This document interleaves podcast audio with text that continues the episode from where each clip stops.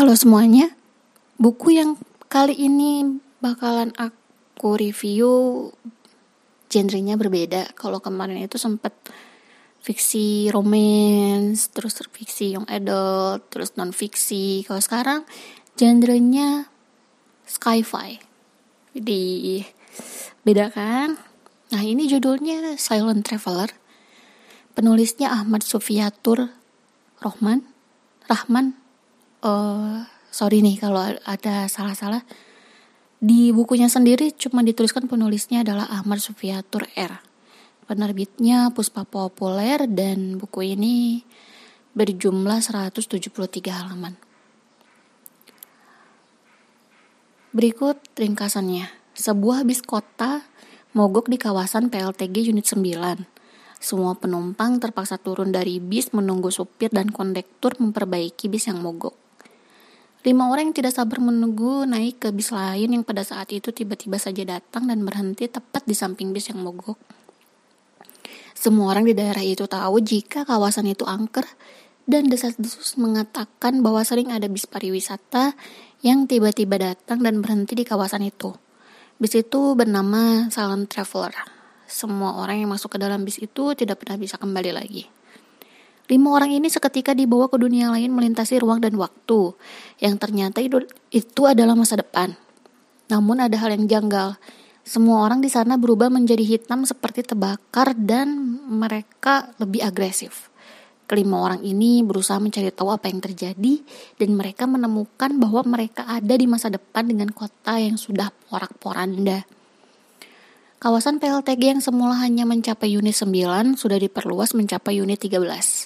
Namun, kenapa hanya mereka yang terjebak di sana? Dosa apa sih yang udah mereka perbuat sehingga mereka harus terjebak? Dan apa yang sebenarnya terjadi hingga kota ini porak-poranda seperti hangus terbakar? Nah, sekarang kita masuk ke review buku. Awal mula aku pikir buku ini bergenre horor, Iya, karena kan kebanyakan di Indonesia itu kan genrenya horor ya.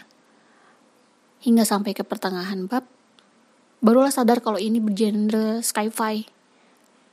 Karena di bukunya sendiri, detail bukunya tidak ada menuliskan kalau genrenya ini fiksi sci-fi atau eh fiksi science atau sci-fi. Sempat takjub karena baru kali ini aku membaca novel Indonesia bergenre sci-fi Ya dan sambil berimajinasi jika saja Indonesia menjadi latar dari film sci-fi bener-bener gitu. Indonesia adalah negara dikdaya dengan uh, semua ilmu saintisnya ya nggak kebayang aja sih walaupun cuma film ya kayaknya keren banget gitu. Tapi di akhir bab ceritanya membuat bingung terutama bagian energi murni. Nah ini sedikit spoiler ya karena ternyata di PLTG unit 9 ini uh, meluas menjadi PLTG unit 13 dan mereka mengembangkan sebuah energi dari energi murni. Mas, energi murni ini tidak ada penjelasan ilmiah tentang hal itu. Hanya hanya saja disebutkan bahwa energi murni ini berasal dari pesawat luar angkasa.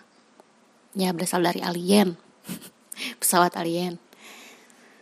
Nah, kurangnya sejarah tentang asal mula kawasan PLTG dan asal mula si energi murni ini menjadi kekurangan besar bagi novel ini.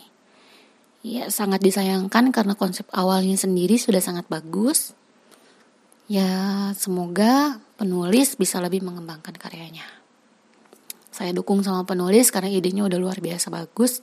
Mudah-mudahan hmm, di buku yang berikutnya bisa lebih mengembangkan ceritanya lagi, idenya lebih keren lagi. Pokoknya penulisnya semangat. Oke, paling segitu aja review kali ini. Thank you udah mendengarkan.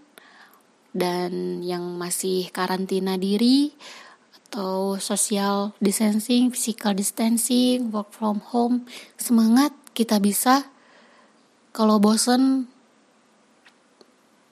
dengerin podcast aja bisa dengerin podcastku atau kalau nggak suka sama podcastku mungkin bisa dengerin musik atau nonton drama Korea atau nonton film di Netflix Pokoknya semangat kita bersama-sama melawan virus corona ini.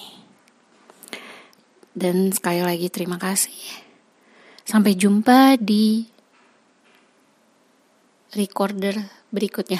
Sorry, sampai jumpa di podcast selanjutnya. Thank you.